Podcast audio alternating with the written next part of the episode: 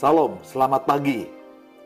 Janganlah engkau lupa memperkatakan kitab Taurat ini, tetapi renungkanlah itu siang dan malam, supaya engkau bertindak hati-hati sesuai dengan segala yang tertulis di dalamnya. Sebab dengan demikian perjalananmu akan berhasil dan engkau akan beruntung. Selamat menikmati hari ini. Mari kita terus mendengarkan firman Tuhan.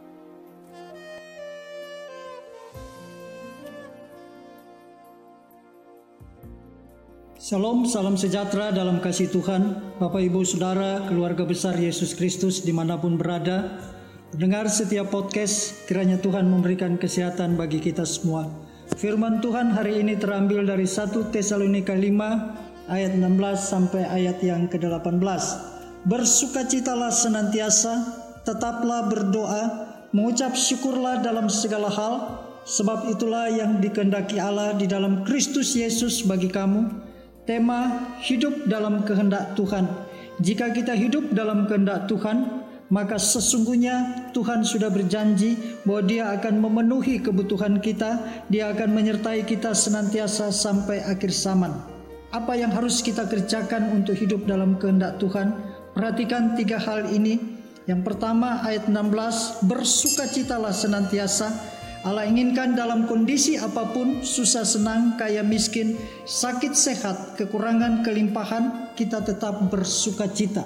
Kegembiraan kita bukan karena harta, pangkat, kekayaan, tapi karena pengenalan kita terhadap Kristus Yesus. Kalau sukacita karena sesuatu yang dilihat seperti harta, kekayaan, kesehatan, satu ketika kita akan kecewa karena semua itu hanya sementara. Kekayaan bisa habis, kita bisa sakit. Sukacita karena Kristus akan mendatangkan damai sejahtera.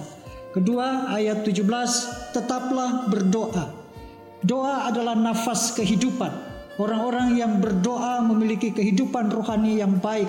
Orang-orang yang tidak berdoa lambat laun mereka akan mengalami kematian rohani. Doa adalah sebuah komunikasi kita dengan Bapa. Doa bukan dengan susunan kata-kata yang indah, tapi adalah hati yang rindu kepada Bapa.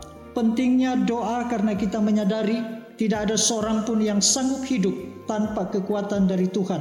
Orang yang berdoa seperti jarum jam yang memakai radium dapat terlihat jelas dalam keadaan gelap. Dalam situasi dan keadaan yang gelap pun Tuhan dapat menerangi langkah kita sehingga orang-orang yang sungguh-sungguh berdoa tidak akan putus asa waktu dalam keadaan yang sulit.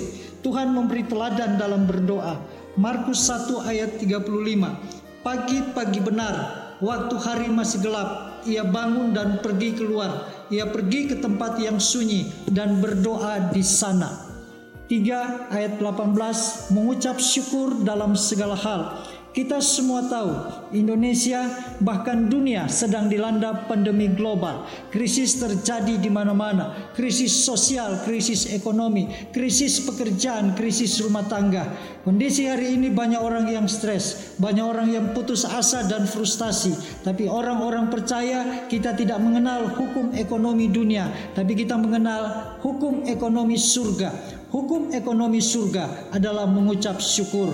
Mengucap syukur artinya kita menghormati Tuhan dan yakin akan pemeliharaannya. Sedikit menjadi cukup. Apa pun persoalanmu dan masalahmu hari ini, lakukan tiga hal. Tetap bersuka cita, tetap berdoa, tetap mengucap syukur dalam segala hal dan alami kuasanya. Hamba berdoa dan mohon kepadamu Bapa agar terjadi kebangunan rohani. Kiranya ada 10 ribu pendengar podcast di mana mereka boleh dimenangkan di tahun pertama 2020 di mana mereka boleh mengalami lawatan Tuhan mereka boleh mengalami pemulihan mereka boleh mengalami hal-hal ajaib dari Tuhan dan diselamatkan dalam nama Yesus. Amin. Selamat berkarya bagi Tuhan. Tuhan Yesus memberkati